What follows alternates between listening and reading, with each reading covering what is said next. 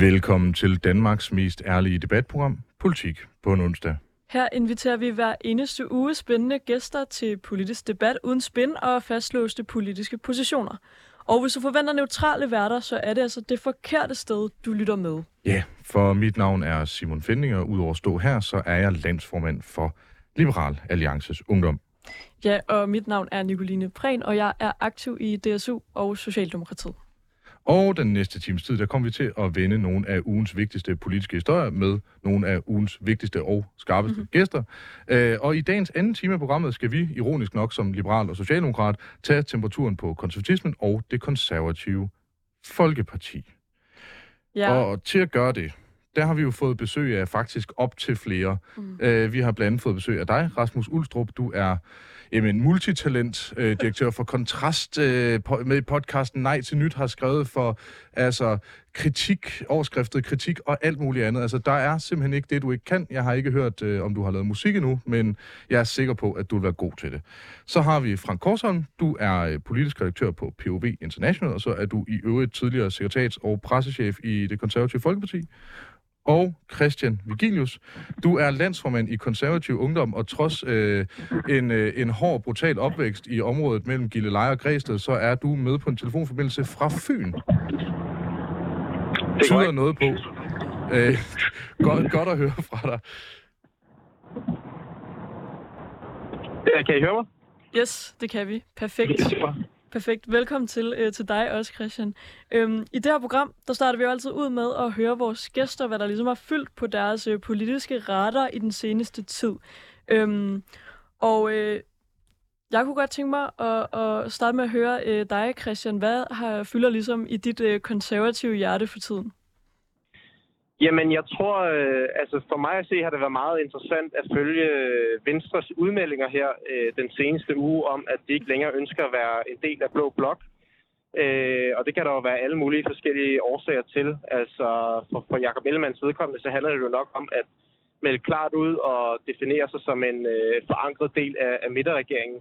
Og jeg synes selvfølgelig, det er lidt ærgerligt øh, på, på Blå Bloks vegne, men på den anden side, så må jeg også bare indrømme, at øh, for mig at se, så er Venstre øh, ret langt væk fra at kunne øh, indtage lederrollen for Blå Blok lige nu. Øh, og det er sådan set, sådan set både på grund af midterregeringen og Jakob Ellemands person, men også bare på grund af den politiske kurs, som, som de i virkeligheden har oparbejdet de seneste øh, 10-15 år, men som nu blomstrer ud i fuld flor, nu hvor de ikke længere er kontrolleret eller holdt tilbage af resten af Blå Blok. Det er jo meget fedt, Christian, når man ligesom skal, skal tale lidt om måske det kaos, der er i sit eget parti, så lige at kaste bolden over øh, til nogle andre, hvor der heller ikke er, er helt styr på det. Øh, men altså nu, nu langer du ud efter Ellemann. Altså tænker du så, at Pape ligesom er en oplagt øh, statsministerkandidat? Uh, jeg tror, der går noget tid, før, uh, før uh, konservativ kommer til at stille sig op med en statsministerkandidat. Uh, det er selvfølgelig både på grund af den valgkamp, der var her senest, men også på grund af det, vi ligger til i, i meningsmålingerne lige nu. Men altså, jeg må så også vende mig lidt imod de der, øh, de der bagkloge analyser af, at han aldrig burde have meldt sig som statsministerkandidat, fordi det, det ved man lidt om folks korttidsudkommelse, fordi øh, sidste sommer, da vi stod til de der 16 procent i meningsmålingerne, der kunne han jo ikke deltage i noget politisk interview eller nogen politisk debat, uden at det eneste journalisterne spurgte ham om, det var om, øh, om han ikke snart vil stille sig op som statsministerkandidat. Og hvis nu han ikke havde gjort det, så ville det også være et tema, der havde fyldt i hele valgkampen. Og jeg tager godt ved på, at det ville have skadet vores meningsmålinger også. Øh, måske ikke lige så meget, som det gjorde her alligevel, men det kunne man jo ikke vide dengang. Og så vil vi stå tilbage med, øh, lad os bare sige, 9% efter valgkampen, og så vil folk anklage Pape for ikke at ville tage ansvar, og for ikke at ville ture at tage skridtet om at stille op som statsministerkandidat. Og så vil vi måske have samme diskussion, som, øh, som vi skal have i dag her. Så øh, man skal passe lidt på med bagkloge analyser, men nej, øh, lige forløbet så er det ikke som særlig realistisk, at vi stiller med en statsministerkandidat. Men jeg håber at vi kommer til at gøre det på et eller andet tidspunkt i fremtiden. Og nu vil jeg selvfølgelig gerne øh, friholde dig fra, øh, fra ideen om, at hvis det går i ens eget parti dårligt, må man ikke kritisere andre som medlem af Liberal Alliance. Så havde jeg mange år, hvor jeg skulle have holdt min mund, og, og generelt øh, simpelthen øh, ikke kunne finde ud af det. Øh, men nu, nu snakker du om Ellemann. Altså, er Ellemann bare øh, Anders Fogh, uden folk gider stemme på ham? Eller, øh, øh, øh eller er der faktisk en eller anden form for ræson i det, han har gang i? Øhm, altså, jeg kan da godt forstå øh, bevæggrundene for Venstre. Øhm, og jeg kan godt forstå, altså det er ikke fordi, jeg ikke kan forstå øh, rationalet i de argumenter, der er om, at øh, det handler om at få indflydelse, det handler om, at den røde politik, som Socialdemokratiet vil føre med, med, med hvad hedder det, venstrefløjen, vil være meget værre, hvis ikke de indgik i regering.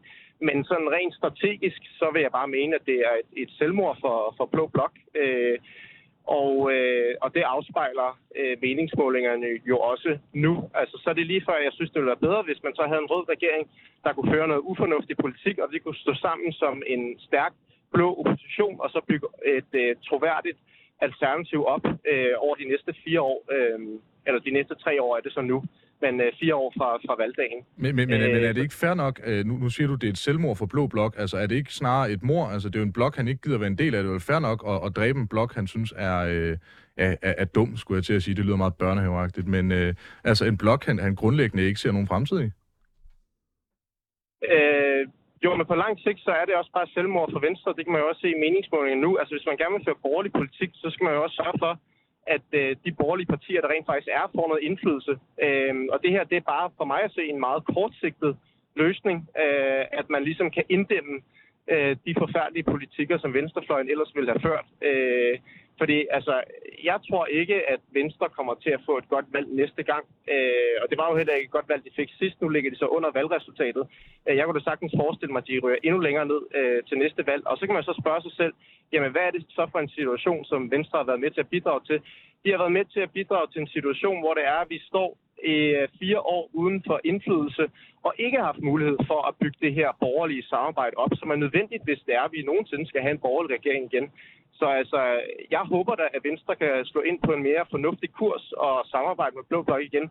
Men det kræver nok, at den anden mand, øh, der er i spidsen for det parti, øh, altså en anden mand end, øh, end Jacob Ellemann. Og, det, og han har jo i hvert fald forsinket processen med øh, ikke kun fire år. Jeg tror i hvert fald, det er 10 år eller sådan noget, før vi, øh, vi kan få et øh, godt og troværdigt samarbejde med Venstre igen.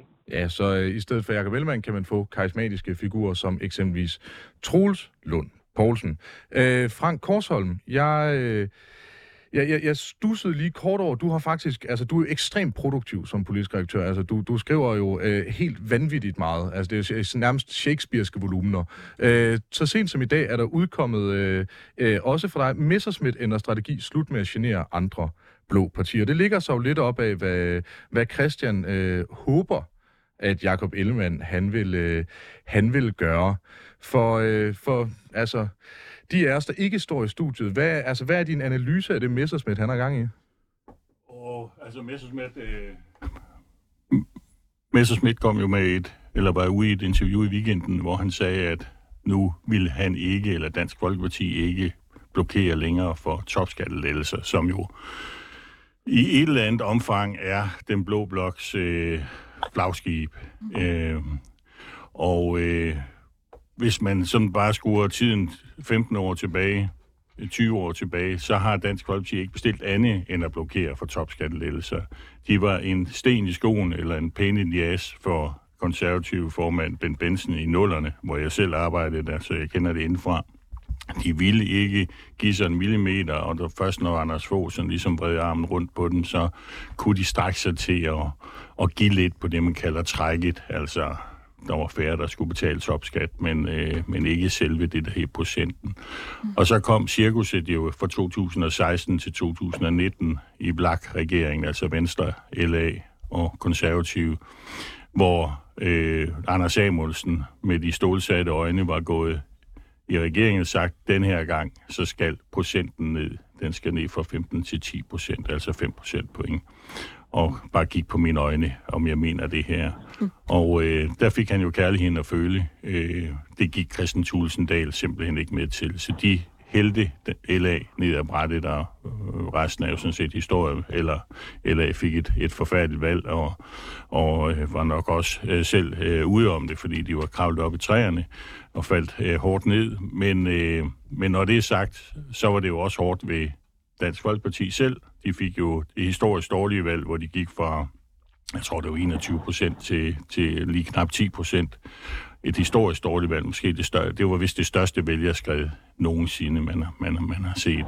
Så det koster jo også for Dansk Folkeparti selv, og i sidste ende kostede det jo Christian Tulsendal også formandsposten.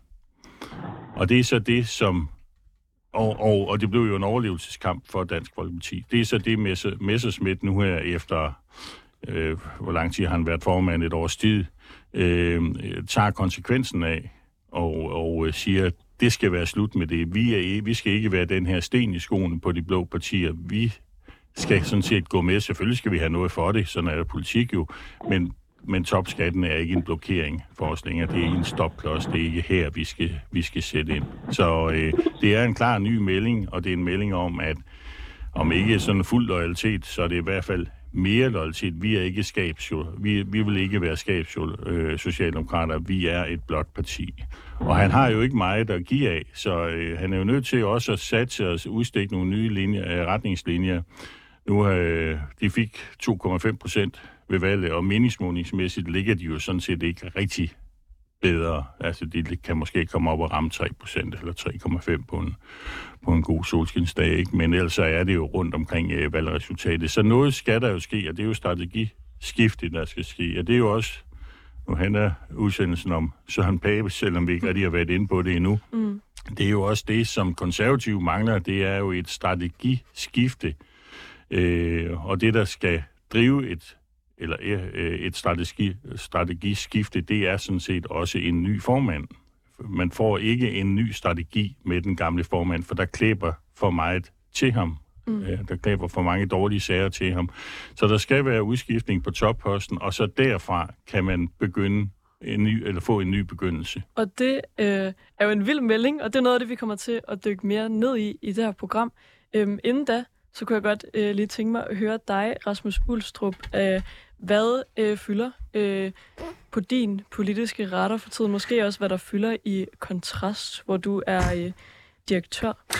Jeg synes, det er øh, interessant, det der foregår på både Ellemands øh, udmelding om endegyldig og flat blå blok, Morten Messersmiths strategiskifte og Søren Papes forsøg på at blive hængende som partiformand.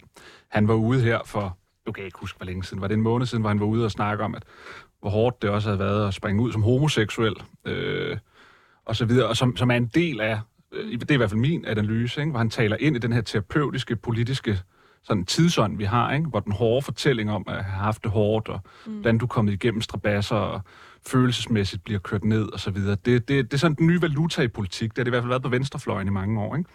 Og, og, og for mig at se, at den historie selvfølgelig et forsøg på at rejse sig igen, efter at være blevet ydmyget totalt. At sige, hey, I skal faktisk være ondt af mig, fordi det kan han vel se, at det har virket for mange andre ude på venstrefløjen. Mm.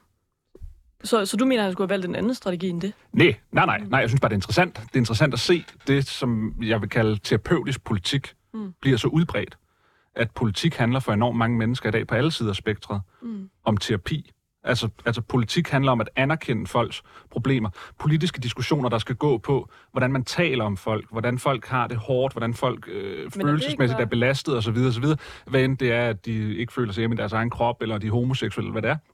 Det er bare interessant at se, at Søren Pape var ude nu og vil snakke om, hvor hårdt det har været at være homoseksuel og springe ud. Det er vel i en eller anden grad bare altså, en meget naturlig afspejling af, at det at tale om følelser øh, det fylder mere i vores samfund, og derfor fylder det også mere i politik. Så giver det ikke meget god mening, at øh, de konservative på den måde også griber bolden og er med på, på det, der ligesom øh, nu engang fylder i vores samfund? Jo, jo det, det er bare interessant, at det, der ligesom var hans... Altså, det pape, han havde kørende for sig frem til valget, hvor det gik helt galt, det var hans pape-power. Ikke? Der stod alle KU'erne, og så råbte de pape-power, hver gang han kom gående. Ikke?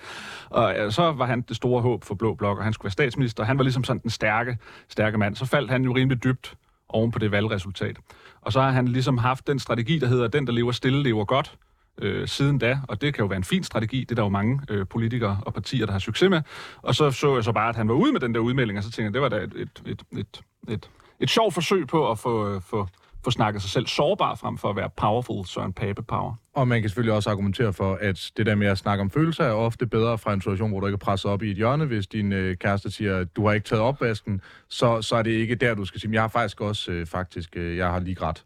Øh, så også bare et øh, tip til, til jer, der sidder derhjemme. Snak gerne om følelser, men lad være med at gøre det, når I er allermest presset. Og nu til dagens rigtige program.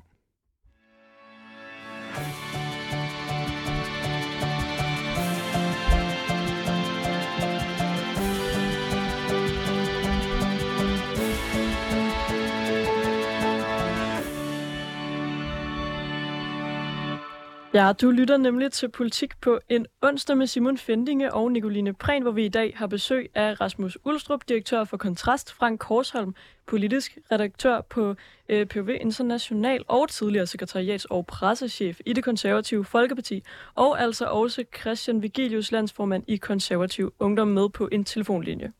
Og ja, Søren Pape, som vi øh, lige berørte før, har haft nogle uger, nogle vil sige nogle måneder, nogle vil sige øh, lidt over, øh, knap et år, øh, der på godt jysk kan karakteriseres som øh, træls. Øh, Lars Barfod og Helle Schelle smutter. Øh, hvor, hvor stort et tab det er, kan vi så komme ind på, øh, på et andet tidspunkt. Og Pernille Weiss og Søren Papes vasketøj, der i forvejen var beskidt, bliver nu luftet af flere valgkredse, særligt i det syd- og vestjyske, hvilket skaber yderligere splid. I en analyse, der hedder Uret tigger for Søren Pape, oprøret mod ham er i gang i POV International af dig, Frank Korsholm, skriver du følgende indledning. Citat. Nedtællingen er i gang for den konservative formand Søren Pape Poulsen. Hans eneste held er, at der ikke er nogen oplagt efterfølger i Folketingsgruppen, der lige nu står krasser på døren. Til gengæld svinder Papes autoritet langsomt, men sikkert i partiets bagland, hvor flere vælgerforeninger nu trodser hovedbestyrelsen ved at ville genopstille Pernille Weiss som spidskandidat til Europaparlamentsvalget næste sommer. Citat slut. Det er jo et vigtigt lige at markere, at øh, vi har henvendt os til konservativ og er blevet spurgt, om de vil deltage eller kommentere, men er ikke vendt tilbage på vores henvendelser. Så Frank, kan du øh, sætte nogle ord på, hvad er det, vi ser udfolde sig i øh, de konservative? Jamen, det er jo et, et oprør, øh, stille og roligt, øh, orkestreret, øh, først på Fanø, og jeg tror også Silkeborg øh, Vælgerforening var med i det oprindelige, men trak sig så. Men til gengæld er der så 22 øh, øh, medlemmer, byrådsmedlemmer og delegerede til det konservative landsråd, som nu har skrevet under på, at de vil, de vil øh, støtte Pernille Weiss, en genopstilling af Pernille Weiss. Og øh, det kan godt være, at det ikke lyder meget, og Pernille Weiss bliver heller ikke valgt, i hvert fald ikke som spidskandidat, om hun skal komme på en liste. Det, det skal jeg ikke kunne øh, gøre mig klog på. Men, øh, men det er øh, en, en, øh, en snibbold, der er begyndt at rulle, og som bliver til en lavine. Øh, det er helt usædvanligt, at man går imod partiledelsen. Det er jo ikke bare øh, folketingsgruppen, det er jo hele hovedbestyrelsen, der har besluttet, at de ikke vil have Pernille Weiss som øh, spidskandidat til, til Europaparlamentet. Men det, det, at de her vælgerforeninger, Pernille Weiss og så videre, ligesom vælger at trodse hovedbestyrelsen, for de af os, der ikke har været medlem af konservativ nogensinde, eller for den sags skyld arbejde for dem, er det et, er det et nybrud, eller er det ja, noget, det man er, ofte ser? Det, det, det er et klart nybrud. Altså, det er jo ikke sådan, at alle øh, smækker hende sammen og, og, øh, og, og bukker til sådan et landsråd, men det plejer sådan at isolere sig til ungdomsorganisationerne. Øh, altså KU har jo tidligere øh, stillet forslaget afvig fra partilinjen om flad, en flad skat og den slags ting, som, som sådan set har skabt en del af en, noget panik i, i, i gruppen, altså hos partiformanden, fordi at altså man tæller jo stemmer, når, mm. når tingene kommer til afstemning, og hvis der er rigtig mange, der støtter sådan et, så er det jo et signal om, at man er utilfreds med den partilinje, som er besluttet på, på Christiansborg. Så det vil ikke være rart, hvis der kommer mange stemmer til Pernille Weiss. Og der kommer jo en del, og det man skal være opmærksom på, nu tror jeg, det er den 24. september i Herning, øh, at, øh, at der er landsrådet, og der skal, man skal beslutte opstillingen. Der, der, der er jo taleret. Altså, der, mm. de her folk kan stille sig op på talerstolen med støtteerklæringer til Pernille Weiss, og det er samtidig jo så også en kritik af partiledelsen, altså en kritik af Søren Pape, bliver det jo. Så det bliver, det bliver grimt øh, på landsrådet, og det, trolden er ude af æsken, og det, det, det er svært at styre. Mm at det så efterfølgende, så er det, at du får de her udmeldelser. Der er Sparfod og hans kone øh, Helle Schelle, som først sådan isolerer det lidt til de øh, lidt sure over, hvordan det, øh, det kører ud på Frederiksberg.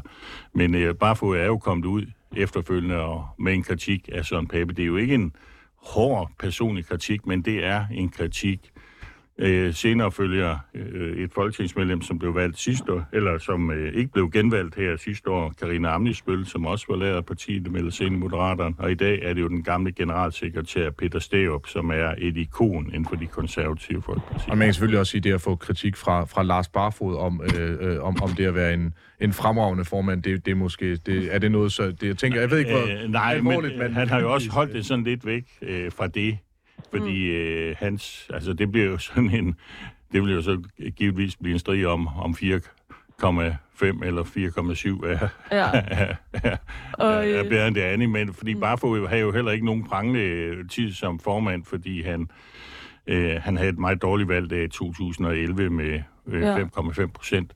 Øhm, Måske men han, men han være... holdt jo kun i en 3-4 år, 3 år, tror jeg det var. Ja, så det bliver nemlig spændende at se, hvor længe Pape jo så holder på posten. Og jeg kunne godt tænke mig nu at få dig, øh, Christian Vigilius, med på banen. Altså, ser du ligesom... Øh, øh, Frank er inde på her også, at det her med Pernille Weiss, øh, altså de problemer, det, der har været ligesom internt, handler det om øh, Papes autoritet, at den ligesom øh, er på vej tilbage, at han ikke har styr på partiet?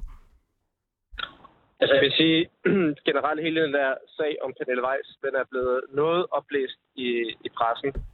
Øhm, og altså, det kan man jo også se, øh, at det, det er 22 medlemmer ud af 12.000 medlemmer, som har valgt at, at opstille hende. Og hun er, hun er sur over, at hun synes ikke, hun er blevet behandlet ordentligt. Øh, nu er jeg jo selv, øh, nu har jeg selv været med til at øh, lægge min stemme til i hovedbestyrelsen, at, at, at øh, hun ikke skulle genopstilles. Og det var jeg sådan set ikke i tvivl om, efter jeg fik at vide, hvad det er, der er foregået på hendes kontor. Altså hun har brugt sin medarbejder psykisk ned. Og det er klart, at så har hun lyst til at, at rense sit navn på en eller anden måde, og nu er hun så i gang med en eller anden form for hævntøj mod øh, Pape. Jeg er så helt sikker på, at øh, hun kommer til at tabe den afstemning med et brag, øh, og det ved vi selvfølgelig først efter den 24. september. Men altså, jeg tør da godt, øh, jeg tør da godt love, at, at det, det, det, det er det, der kommer til at ske. Øh, generelt så er mit indtryk, at øh, pressen ligesom har set sig sure på os og sure på partiet. Øh, fordi man kan sige, at det mandat, som vi ligesom gav Pave tilbage i november, altså i den mellemliggende tid har der sådan set ikke været noget, der har ændret sig. Øh, og, og jeg har det lidt sådan, at når man giver men, men, men er det ikke det, der er problemet, Christian, at der ikke er noget, der har ændret sig? Er problemet ikke, at på trods af, at Venstre smelter, altså, øh, og at Nye Borgerlige heller ikke er sådan super meget on-track, og at der i øvrigt er rigtig mange, der er lidt trætte af teknokrati, at I stadig går tilbage siden folketingsvalget? Altså er det ikke det, der er problemet? Er det ikke det, folk gør et oprør mod, at man bliver ved med at bruge den samme medicin mod en sygdom, der åbenlyst ikke bliver bedre? Jamen, den analyse er jeg bare ikke helt enig i. Altså, øh, jeg, jeg tror, at troværdighed det er noget, man kan miste hurtigt, og som tager tid at bygge op. Øh, siden folketingsvalget, så har vi sådan set været i gang med et øh, politikudviklingsprojekt i, i partiet, og det er noget, der tager tid. Øh, og det har hele tiden været min indstilling, at det er noget, der tager øh, noget tid at bygge op. Øh, og så synes jeg ikke, man skal altså, begynde på alle mulige øh, halvhjertede øh, forsøg på at hække sig på aktuelle dagsordner, og, og jeg ved ikke hvad, selvfølgelig skal man kommentere på dem, men det tager noget tid at bygge et politisk projekt op. Øh, når jeg siger, at der ikke er sket noget i den mellemliggende periode, så det jeg mener, det er, at der ikke der er ikke noget, der har ændret sig i forhold til, om Pape ikke skulle kunne fortsætte som formand i den mellemliggende periode. Øh, så i forhold til din kommentar om meningsmålingerne, så er jeg fuldstændig enig i, at vi burde øh, samle flere af Venstre stemmer op, men som sagt, det tager noget tid at bygge troværdighed op igen. Og så bør det jo også bemærkes, at vi sådan set har ligget over valgresultatet i øh, det meste af tiden. Mm. Men nu har der lige været de her sager med Pernille Weiss, som, som jeg i hvert fald mener er blevet læst væsentligt op i pressen. Der er tale om en person, som er øh, mavesur over forløbet, og så har hun fået 22 ud af 12.000 medlemmer til at støtte hende i, øh, i sit vendetta mod øh, konservative. Og så er det klart, så er der nogle, øh, ja, nu skal jeg passe på med ikke at blive for polemisk, men, men nogle opportunister rundt omkring, blandt andet Katrine Arbejdsbøl, som jeg må indrømme, øh, måske altid har ligget tættere på moderaterne, end hun har på konservative, og som lad os nu se, hvilken EP-liste moderaterne kommer til at præsentere, men man kunne da forestille sig, at øh, hun, hun stod med på den. Så der tror jeg, der er nogle personlige årsager, der gør, og så er det klart, så vil hun gerne have et eller andet flot narrativ op, hvorfor der hun forlader partiet. Øh, så er der Lars Barfod øh, og Hedde Schelle, som er stor over... Bare Christian, inden vi lige når at gennem, øh, gennemgå øh, samtlige medlemmer, der har, der har forladt konservativ inden for de sidste 20-30 år. Øh, det tager ikke så lang tid, for det er ikke så mange. Er, er udfordringen ikke, at altså, enhver øh, historie kan jo sige at være en del af en enkelt historie, men vil, øh, vil man i det store billede ikke kunne sige, at det her det er måske konturerne til et ret generelt problem? Altså, når, når folk begynder at forlade skibet, så er det jo sjældent, fordi det går mega stærkt, og at man slet ikke kan se klipperne. Nej, men der tænker jeg, at øh, journalister også har en rolle i at være lidt kildekritiske. Øh, og det er derfor, jeg kommenterer på de enkelte sager, fordi jeg ja, mener, ja. det er enkelte sager, hvor folk de har nogle personlige grunde til at, at øh, sige, som de gør. Øh, Katarina Arbejdsbøl, fordi hun gerne vil have en politisk karriere og ser bedre muligheder for det i Moderaterne. Og så Helle Schelle, der er utilfreds med, at hun har tabt en magtkamp på Frederiksberg, og så Lars Barfod, der i øvrigt øh, ikke på noget tidspunkt har været enig i den politiske linje, der er blevet lagt under Pabes tid. Man kan Nej. så spørge sig selv, hvor, hvor succesfuld hans egen linje var. Altså, mm. der kæmpede vi jo også med spærregrænsen. Ja, og det har vi også. Det har vi nemlig også øh, været inde på. Jeg kunne godt tænke mig at kaste bolden over til dig, øh, Rasmus Ulstrup. Er du enig med Christian Vigilius i, at det her bare er nogle sådan enkeltstående små problemer? Altså, er der reelt en krise i det konservative Folkeparti? Ja, det er der. Øh, og det er knyttet op på formanden. Og derfor er den eneste vej frem for det konservative form, øh, Folkeparti, det er at få ny formand. Og det skyldes, at øh, ligesom Søren Pape, han kunne tage æren for, den, øh, det fremskridt, vi så op til valget, øh, fordi det var knyttet enormt tæt op på hans troværdighed som politiker. Det var knyttet op på hans personlighed og hans troværdighed. Og det var det, der led et enormt knæk. Og det kan man jo mene er uretfærdigt og alt muligt andet, og om Ekstrabladet skulle have kørt alle de historier om hans mand og alle de der ting der. Men han har fejlet også på et andet punkt, fordi man prøver nogle gange at sige, at det var det ene eller det andet. Men han lavede, det, han lavede de to fejl, at han troede, at han kunne veksle sin fremgang i sin troværdighed og sin personlige likability til at komme ud med sit forslag om milliardstore skattelettelser, hvorefter han smider dem i skraldespanden i første tv-debat, hvor Inger Støjberg, hun siger, at det er altså ikke noget, hun er med på.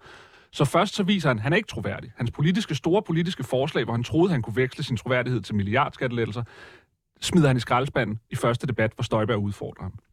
Dernæst viser det sig, at hans personlige, øh, hvad kan man sige, hans personlige liv, som det var det ekstrabladet kørte på, øh, ikke var så troværdigt, som vi havde regnet med.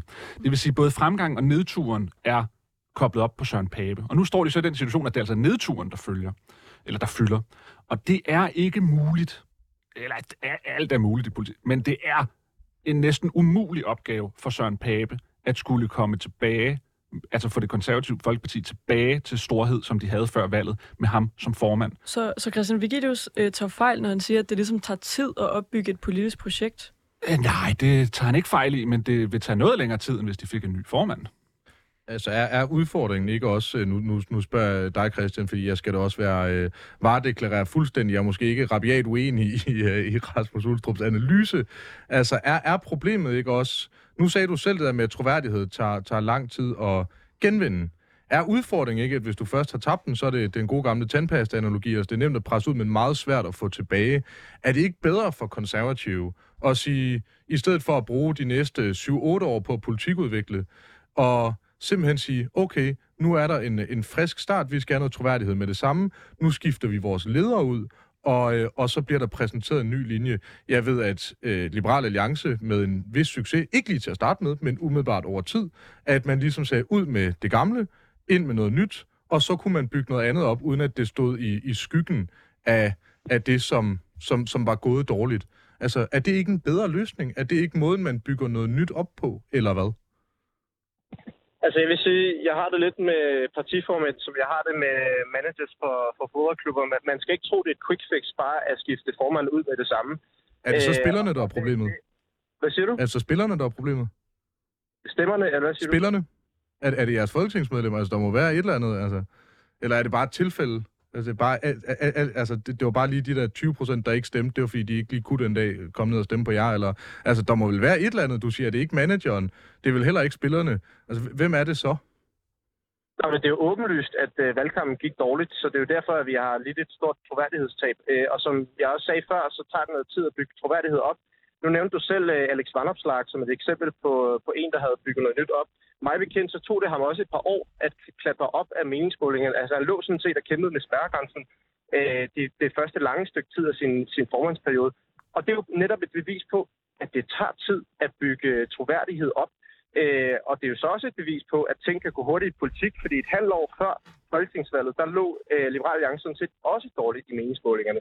Så det der med at tage et øjebliksbillede, og så lave det til en eller anden stor analyse, eller at man hiver fat i øh, Lars Barfod, som, som alle dage har været utilfreds med den linje, Pape har lagt, og gør ham til en sandhedsvidende for, hvordan man bør føre politik. Det er bare øh, for mig at se en, en smule enfoldigt. Og jeg, jeg kan jo spørge øh, Rasmus Ulstrup, øh, om han er enig i de politiske analyser, som kommer fra dem, der har udtalt sig i pressen, om konservativ rent faktisk burde være en eller anden ny form for radikal venstre eller for moderaterne, om det er det, der skal til for, at vi det er et succesfuldt parti igen. Det får du lige lov til at svare på, Rasmus. Ja, nej, nej, nej, det er ikke vejen. Men det konservative Folkeparti står i det andet problem, som vi ikke har nævnt endnu, og det er, at Venstres nedsmeltning er ikke kommet det konservative Folkeparti til gode, fordi vælgerne går til LA. Det vil sige, at LA er blevet det anden valg til Venstre, som konservativ, så at sige, altid har været i de store, altså stormagtsdagene i VKO-tiden, hvor det var Venstre og Konservativ, der kunne ligge og skifte lidt imellem dem.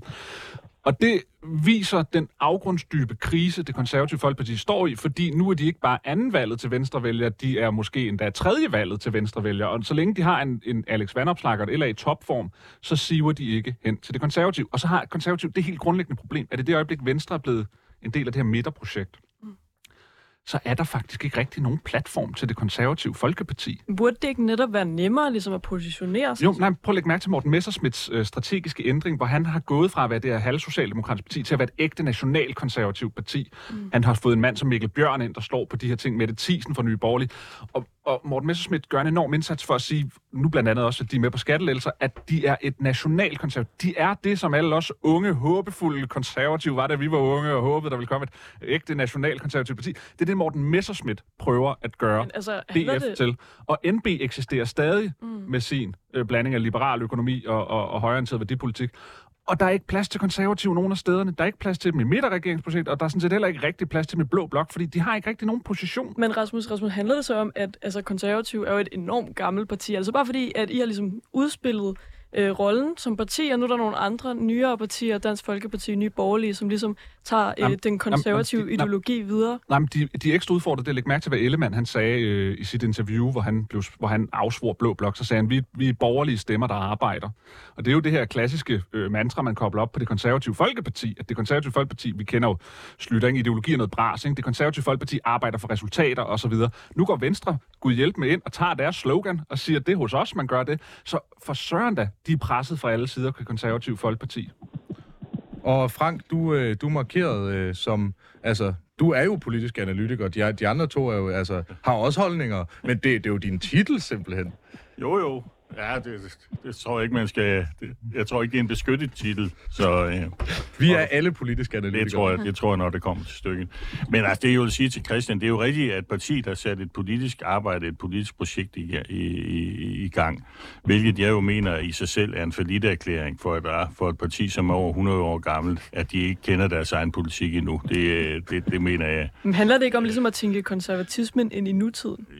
Jo, ja, men det, det, det, det skal man jo... Det skal man jo kan gøre ting. Det, det skal man jo gøre hver dag, men altså, de, de, de har næsten 120 øh, år på banen, ikke? Og, og at de mm. først nu sådan til, til at finde ud af, hvad der er deres politik. Det er, det politiske projekt, der er sat i søen, er ikke andet end en syltekrukke. Mm. Fordi man beskæftiger gruppens medlemmer med at udvikle politik inden for deres øh, øh, ordførerskaber. Mm. Det vil sige, at de holder en masse møder, drikker en masse kaffe, og, øh, og så snakker de om, hvad skal vi på familiepolitik, hvad skal vi på socialpolitik, hvad skal vi på forsvar, så når de til sidst frem til noget, som de sådan set har i skuffen i forvejen. Men er det så er det projektet, eller ja, er det personen, der er problemet? Altså er det jamen, Pape, det er eller det personen, Det er jo personen, Pape, der har sat det her projekt i gang. Fordi mm. meningen med projektet er så, at de skal rapportere tilbage i efteråret, så skal partiet samles, folketingsgruppen samles sammen med hovedbestyrelsen og øh, kompetente mennesker. De skal så diskutere alle de her gode forslag, og så til sidst,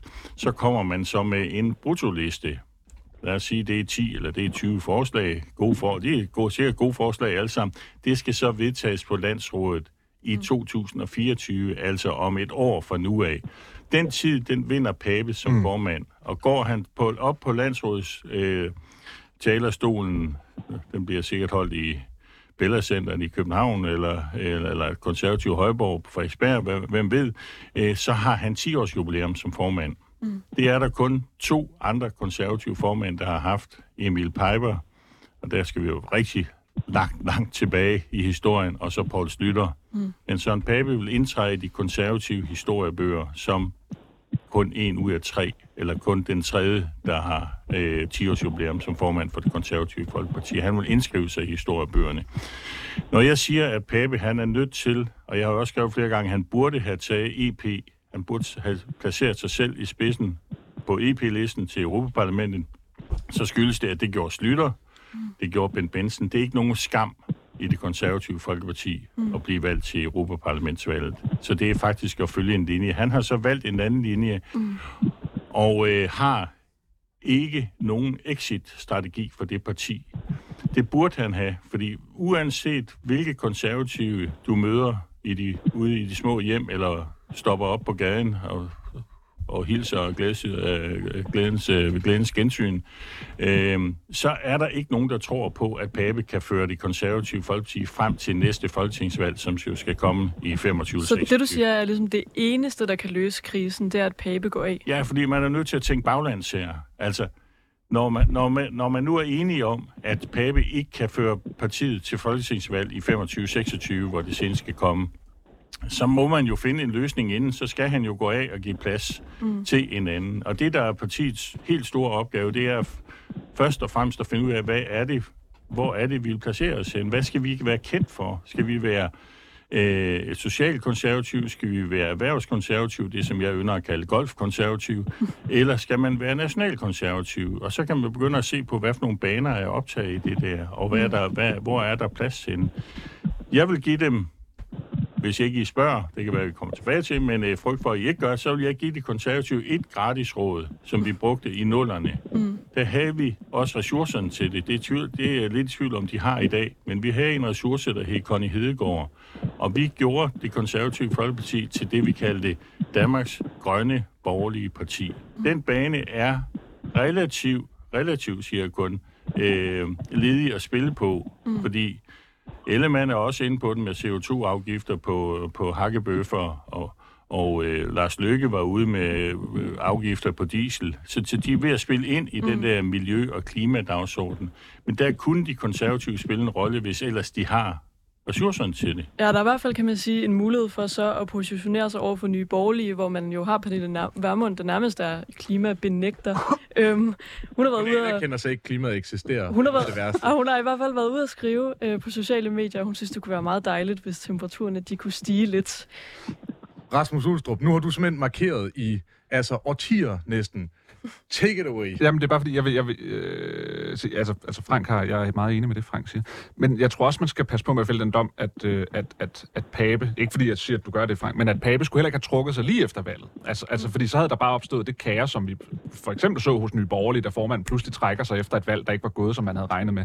Så jeg synes, altså, altså de er der, hvor tiden er ved at være moden til, at de kan trække sig, uden at det betyder kaos og borgerkrig, fordi at det ikke er en skandale, hvis han øh, øh, altså hvis de skifter ham ud med en ny formand. Men jeg tror, at alt det her, som også den gode Christian Vigilus siger over telefonen med, at nu udvikler man politik, ikke? og så vil man have baglandet med og alle de der ting der. Det er en måde at sige, hey, vores krise handler ikke om ledelsen, vores krise handler om politikken, men det er altså ikke politikken, der er krisen. Politi- altså, det er ledelsen, der er krisen. Og derfor så er det her store projekt her med at sige, nu skal vi rigtig udvikle politik, og øh, som du siger, så skal vi drikke kaffe og sidde i møder og alt muligt andet. Det er selvfølgelig altid sundt, øh, sikkert, at, at drikke kaffe, når man sidder i opposition og finder ud af, hvad man vil. Men krisen er ikke manglende politik. Krisen er manglende leder med troværdighed. Men og det kan, kan de bare også... ikke komme udenom, ligegyldigt hvor meget de prøver at sige, at hvis de mm. får baglandet med. Og helt ærligt, når man siger, at nu skal vi have fat i baglandet, nu har jeg jo selv fortiden på Christiansborg, mm. der er ikke nogen, der gider det bagland. Altså, altså, fordi de kommer ikke med gode forslag i Vordingborg Lokalforening. Det gør de bare ikke. Altså, sådan er det. Ikke? Men det vil man, man vil gerne have deres kontingentpenge, og man vil gerne lyde inkluderende. Og ah. det er ah. sorry to say, men det er sådan, det er. Jamen, der vil jeg sige, nu jeg glæder mig rigtig meget til, om et par uger skal på årsmøde i Socialdemokratiet, hvor jeg nu altid faktisk synes... Som jo er kendt for deres at, ekstreme lydhørighed. Ja, men jeg, jeg synes, der er enormt mange mennesker, der går op på den talerstol, og Jamen, faktisk og, også, som kommer ja, og bidrager ja. med nogle virkelig interessante også, perspektiver. Og, og, og, og, og det, det synes jeg er rigtig fedt. Men jeg det, kunne godt lige tænke mig at høre dig, øh, Rasmus Ulstrup, om, øh, om det ikke også er Pape. Altså, har Christian Vigilius ikke lidt ret i, at det er Pape, der også har været lidt uheldig. Altså de her ting, øh, der opstod i valgkampen, som i høj grad var personsager, der ligesom øh, centreret om hans kæreste, der lige pludselig ikke var den, han havde givet sig ud for at være. Øhm, og nu den her sag med en øh, europaparlamentsmedlem, der ikke behandler sine medarbejdere ordentligt. Altså begge de ting er vel ikke noget, som Pape på den måde har haft direkte indflydelse på. Det handler vel også lidt om uheld. Jamen jeg siger ikke nødvendigvis, at altså, altså, det handler for mig ikke om, hvad, om Pape er skyldig i noget eller ej. det handler sådan set bare om, at han valgte selv at sætte sig selv i spil. Han valgte selv at knytte partiets succes op på ham som person og hans troværdighed og hans likability. Det var et strategisk valg, at han var folkeskolelæreren for Viborg, som folk skulle kunne lide, og de skulle have tillid til ham, og ud fra det skulle det konservative folkeparti være et oplagt regeringsparti. Det var hans valg at sætte sig selv derud. Så viste den fortælling om sig selv ikke at holde. Og problemet med det, der sker med Pernille Weiss nu, er også, at det cementerer den idé, der hersker om, at, svag, at Pape er måske lidt svag. Altså måske er en dårlig dømmekraft, måske kan han ikke få sin vilje igennem, og så videre, og så videre, og så videre. Så det taler ind i den fortælling, der allerede er om, at Pape har ikke styr på sin butik, hverken i det politiske eller i privatlivet, som vi så dengang. Og det kan du bare ikke komme ud af, fordi han har selv valgt at sige, det er det, I skal vurdere mig på, fordi det var det, der gav ham fremgangen. Mm. Og, øh, og jeg tror, altså, øh, udover at jeg er fuldstændig enig generelt i opmær- bemærkningen om, om baglandet, altså der er ikke nogen, der gider lytte til folk, åbenbart i Socialdemokratiet, og, ja. og, og selvfølgelig kun, hvis man definerer baglandet i Socialdemokratiet som deres analyse- og informationsafdeling, som laver ellers politik, men det er noget Ej, fuldstændig hallo. andet. Uh, hvis der er nogen, der er et godt bagland, så er det fokusgrupper. Uh, Christian Vigilius, nu, uh, nu er der simpelthen så meget kritik af Søren Pape. Er det, ikke, er, er det, er det bare en hets? Uh, eller altså, uh, hvilket er meget messersmitsk at være sådan, det er en hets, men altså, skal, skal Søren Pape ikke gå for, at alle jeres stærke unge kræfter kan få lov til at lave noget politik og måske drive partiet et sted hen, hvor folk måske bliver så konservative, at det gør noget? Jamen, altså det er klart, at der er et, et narrativ i pressen, og der er en modstand mod Pape, øh, så det er, jo, det er jo helt åbenlyst. Jamen, nu, nu, nu, nu spørger jeg bare dig i forhold til altså, øh, headsdelen af site. Altså, er det rigtigt? Skal Søren Pape gå af? Er det, er det bedre for konservative på sigt, hvis Søren Pape går? Øh, jeg forestiller mig ikke, at han skal sidde om øh, 50 år, men, øh, men umiddelbart nej. Øh, så vil svar være nej. Altså, og, og det handler jo simpelthen om, at øh, i min optik, så har Pape fået et mandat til at prøve at genopbygge partiet og lave den her konservative fortælling. Jeg er sådan set enig med Ulstrup i, at der er en, øh, det synes jeg så er en generel øh, tendens i dansk politik, at der er en ekstrem personfiksering. personfixering. Men det er jo netop derfor, at jeg synes, at det er vigtigt, at man fokuserer på politikudvikle. Øh, altså vil jeg, jeg vil øvrigt også gerne anfægte det her med, at Frank ikke skulle have nogen øh, holdninger. Øh, altså det, det ved jeg ikke helt, om, øh, om der overhovedet er nogen mennesker i, i, på denne klode, der ikke har. Øh, og han øh afslører sådan set også, hvor, hvad hans holdninger øh, tilsiger. Øh, men det her med, at man ikke skal lave politik... Uden at skulle lyde helt barnebiagtigt, hvor gør han det hen? Så kan lytterne ligesom... Øh, hvornår, afslører, hvor, hvornår afslører han sine holdninger? Var det da han nævnte øh, Connie Hedegaard? Jamen, øh, altså, Connie Hedegaard-linjen øh, var, var det, jeg har hørt, at vi skulle være det grønne borgerlige parti. Og jeg er da fuldstændig enig i, at øh, vi, skal, vi skal have noget god politik på, på klima. Jeg synes bare ikke, det skal stå alene.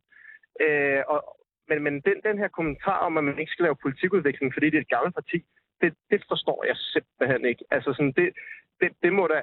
Altså, hvis nu ikke der skete noget, hvis nu ikke vi prøvede at udvikle noget ny politik, hvis nu ikke vi prøvede at stikke en politisk kurs... Men, altså, men Christian, også, er den pointe ikke, altså, ja, undskyld for at afbryde dig, men øh, altså, at det her politikudvikling bliver en syltekrukke? Altså, jeg, jeg hører ikke en anke mod politikudvikling, men er problemet ikke, at at, at politikudvikling er, og særligt med, med den øh, historie, Frank også får fortalt med både landsmøde 24 og 25, ikke, er problemet ikke, at det bare bliver en syltekrukke, sådan noget, du, du, du smider ind for at kunne bevare magten til skade potentielt for konservativ Folkeparti? Altså, nu siger du, at du ikke hørte et ange mod øh, politikudvikling. Det vil jeg mene, jeg gør, men øh, jeg gjorde, men I kan jo spole båndet tilbage og høre, hvad det var, Frank lige præcis, præcis sagde. Øh, jamen, altså, kritikere vil jo altid kalde det for en syltekrukke. Altså, jeg synes sådan set, nu sidder jeg også med i nogle af de her grupper, jeg synes faktisk, at der er rigtig mange gode inputs.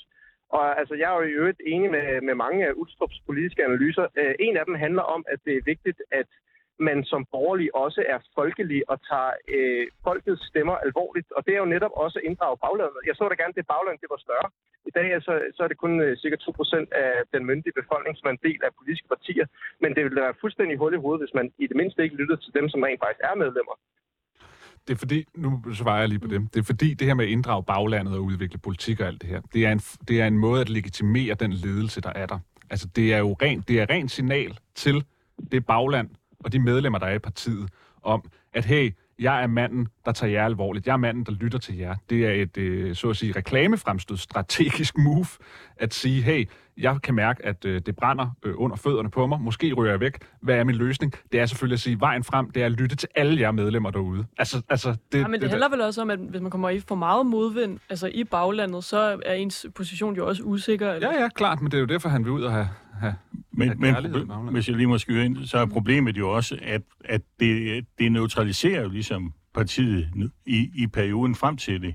Altså sådan, jeg har respekt for politikudvikling, det skal der ikke have tvivl om, men det skal ikke tage halvandet år. Mm. Halvandet år, hvor man stort set ikke kan komme med en politisk uh, udmelding. Hvis man spørger sig selv og kigger sig selv uh, i spejlet og siger, hvad er Søren Papes, hvad han egentlig kommet med sin valg noget, der har rystet jorden, så, så der, tror jeg ikke, der er nogen, der, kan ses, der, der, der med troværdigheden i behold kan, kan, kan huske noget som helst, han har sagt. Han har nok sagt noget om strengere straffe, har han ikke? Ja, jo, et eller andet på Christiania, givetvis. Ja, det er han Men, men, men hvor er han henne jeg tænker på, at øh, vi er jo i en konservativ tid, det har vi ikke snakket så meget om, men altså Europa står i flammer, eller i hvert fald i Øst-Ukraine står man i flammer, og, og Putin banker på døren. Hvor er konservative henne i den her forsvarsdiskussion? Hvorfor er de ikke ude først at sige, at vi skal gøre noget mere, vi skal sende nogle flere kampfly, eller vi skal sende noget mere? Hvor er de henne i den position, som, som de er kendt for? Det er et forsvarsparti, og måske mm. også det parti i Danmark, der har størst troværdighed omkring forsvarsparti. Og det kan vi Jacob Ellemann lige... har faktisk været udsendt, ved at så lige indspille. jo, jo, han er, han er, han er soldat, men, men, mm. men, men, men det, jeg mener, Christian skal spørge sig selv om, kan han se sig selv kan han se Pape føre partiet til valg i 2025 Men, ja, og hvis synes han jeg... kan det, så, øh, så er han den eneste, jeg hittil har snakket med. Lad os da spørge Christian om det. Øh, kan du se øh, dig selv gå til næste valg med Søren Pape som formand? Ja, det kan jeg sagtens, men altså i første omgang, så synes jeg da, at vi skal se, hvad den her politikudvikling fører med sig. Og så ikke sige noget i mellemtiden. Og så ikke føre politik i mellemtiden. Hvad siger du? Og så ikke føre politik i mellemtiden. Ikke komme med politiske øh, udmeldinger i mellemtiden, fordi vi venter på, hvad det politiske projekt skal, skal, skal måne ud i. Men Frank, der er også kommet politiske øh, udmeldinger i mellemtiden. Øh, altså sådan, det, det, det, det har der. Der har været et... Øh, et udspil i forhold til universitetsområdet, hvor det sådan set var konservativt, der er initiativtager til, det, til, at det reformudspil, som regeringen kom med, endte med at blive øh, ændret. Der har også været et udspil om øh, frit skolevalg. Altså, så er det ikke, fordi der ikke er politik, men den store konservative fortælling øh, kommer jo, når det er, vi har arbejdet den igennem. Og jeg ved ikke, hvor lang tid du tænker, det, det skal tage. Jeg tænker, en, en måneds arbejdstid måske er lige underkanten. Og jeg synes, et år, det er, altså, man kunne sagtens bruge mere tid på det end det. Jeg synes, at et år er, er forholdsvis øh, hurtigt. Altså, så det du siger, Christian... Og det er ikke, fordi jeg Christian... kan forstå analysen om, at der også kan være noget strategisk mm. at lave øh, Men det du, det, du siger, Christian, nu spørger lige, det du siger, det er, at så lige om lidt, eller om en måned eller et år, så kommer konservative ligesom med en eller anden stor politisk plan, som er, I har gennemarbejdet, melder den ud, og så regner jeg med, at, øh, at meningsmålingerne kommer til at vende, og I ligesom er klar til næste valg med Søren Pape i spidsen. Jeg, jeg hørte ikke hele spørgsmålet, fordi nu øh, kører jeg lige over broen, men øh, jeg tror, jeg fangede essensen. Øh, altså, ja, jeg, jeg regner med, at når der vi lancerer den nye konservative fortælling, så vil der være, være noget, som folk rent faktisk kan spejle sig selv i. Og hvornår er det? faktisk, øh, jeg vil tro, at det kommer i løbet af næste år. Øh, Christian, ren nysgerrighed. Sidst I præsenterede et større politisk udspil, det var i forbindelse med Folketingsvalget. Øh, ja. Det var jo ikke, hvis jeg husker det ret, det var jo ikke, fordi det var nogen bravende succes som sådan. Altså, hvad, hvad er det, I regner med, at I kan trække op af, af hatten den her gang, som, øh, som ændrer det? Kan du give os sådan en, en, et, et sneak peek ind i, hvordan konservativ politikudvikling fungerer? Jamen, jeg var heller ikke enig i den politiske kurs, som, som det øh, udspiller og konservativ fortælling var, var udtryk for. Og det er jo netop derfor, at jeg imødekommer noget ny politikudvikling, at jeg imødekommer en ny politisk kurs. Og det er sådan set også det, jeg opfatter partiet øh, værende åbne overfor. Øh, I min optik, så burde det, det konservative folkeparti være et folkeparti, som fokuseret på folkehed, som fokuseret på fællesskab, som fokuserede på at øh, række ud til alle de mennesker, som er en del af nogle uddøende lokalsamfund, som ikke føler sig som en del af fællesskab eller som en del af udviklingen, som også er med til at understøtte alle de børnefamilier, som, øh, som ikke altid har det særligt nemt i Danmark. Øh, vi har jo også en øh, ikke helt så god øh, hvad hedder det, fertilitetsrate på nuværende tidspunkt, så er der fuldstændig enig i, at vi og skal... Og det, det er sådan Pape, der løser det? Det er netop det, vi er i gang med lige nu. Men altså, jeg kan godt forstå, at journalister, nu er jo ikke uddannede journalister, men det er jo ikke en beskyttet titel, øh, gerne vil have noget lige nu og her. Men altså, som jeg også sagde tidligere, troværdighed mister man hurtigt, og det tager noget tid at bygge op.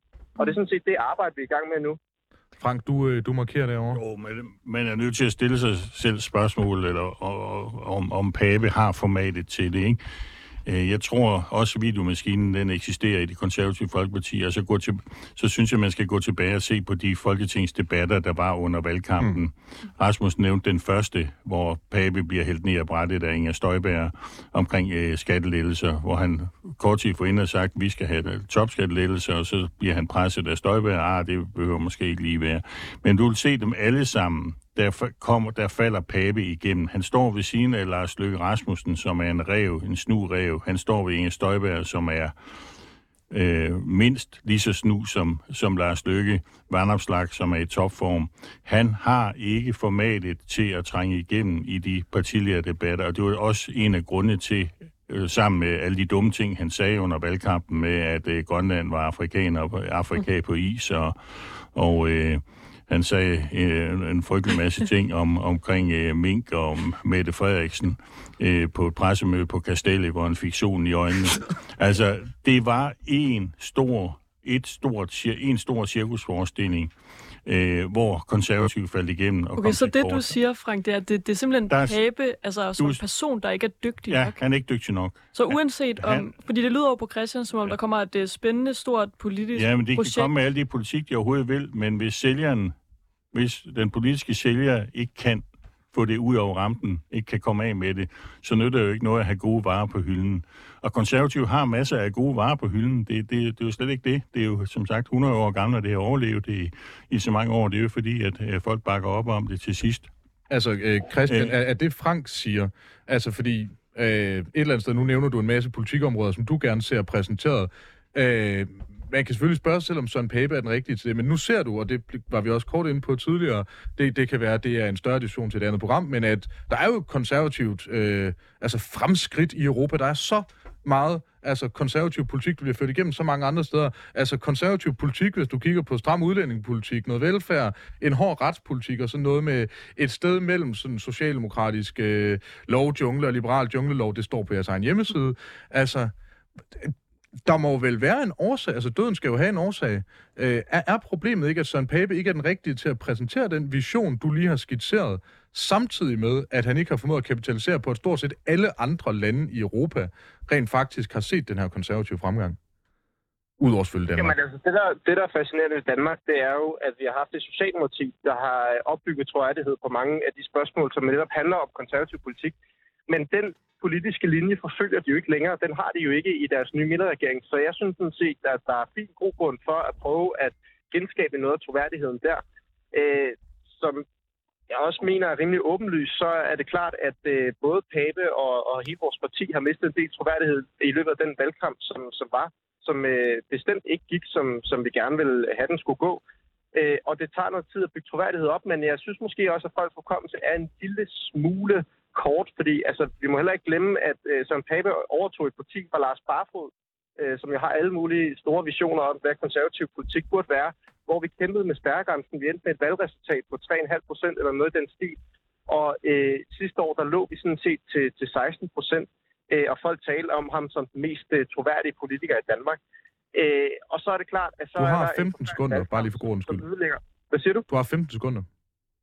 Okay, ja, jeg tror på, at øh, det tager tid at bygge troværdighed op, og det, det er vi i gang med nu. Fantastisk. Jamen, øh, med, øh, med den udmelding, så vil jeg gerne sige øh, tusind tak til Rasmus Ulstrup, Frank Korsholm, Christian Vigilius. Christian, du endte med at ryge i skudlinjen. Jeg håber, at øh, DSB's forrygende service har øh, kureret noget af det. Tusind tak, fordi I lyttede med.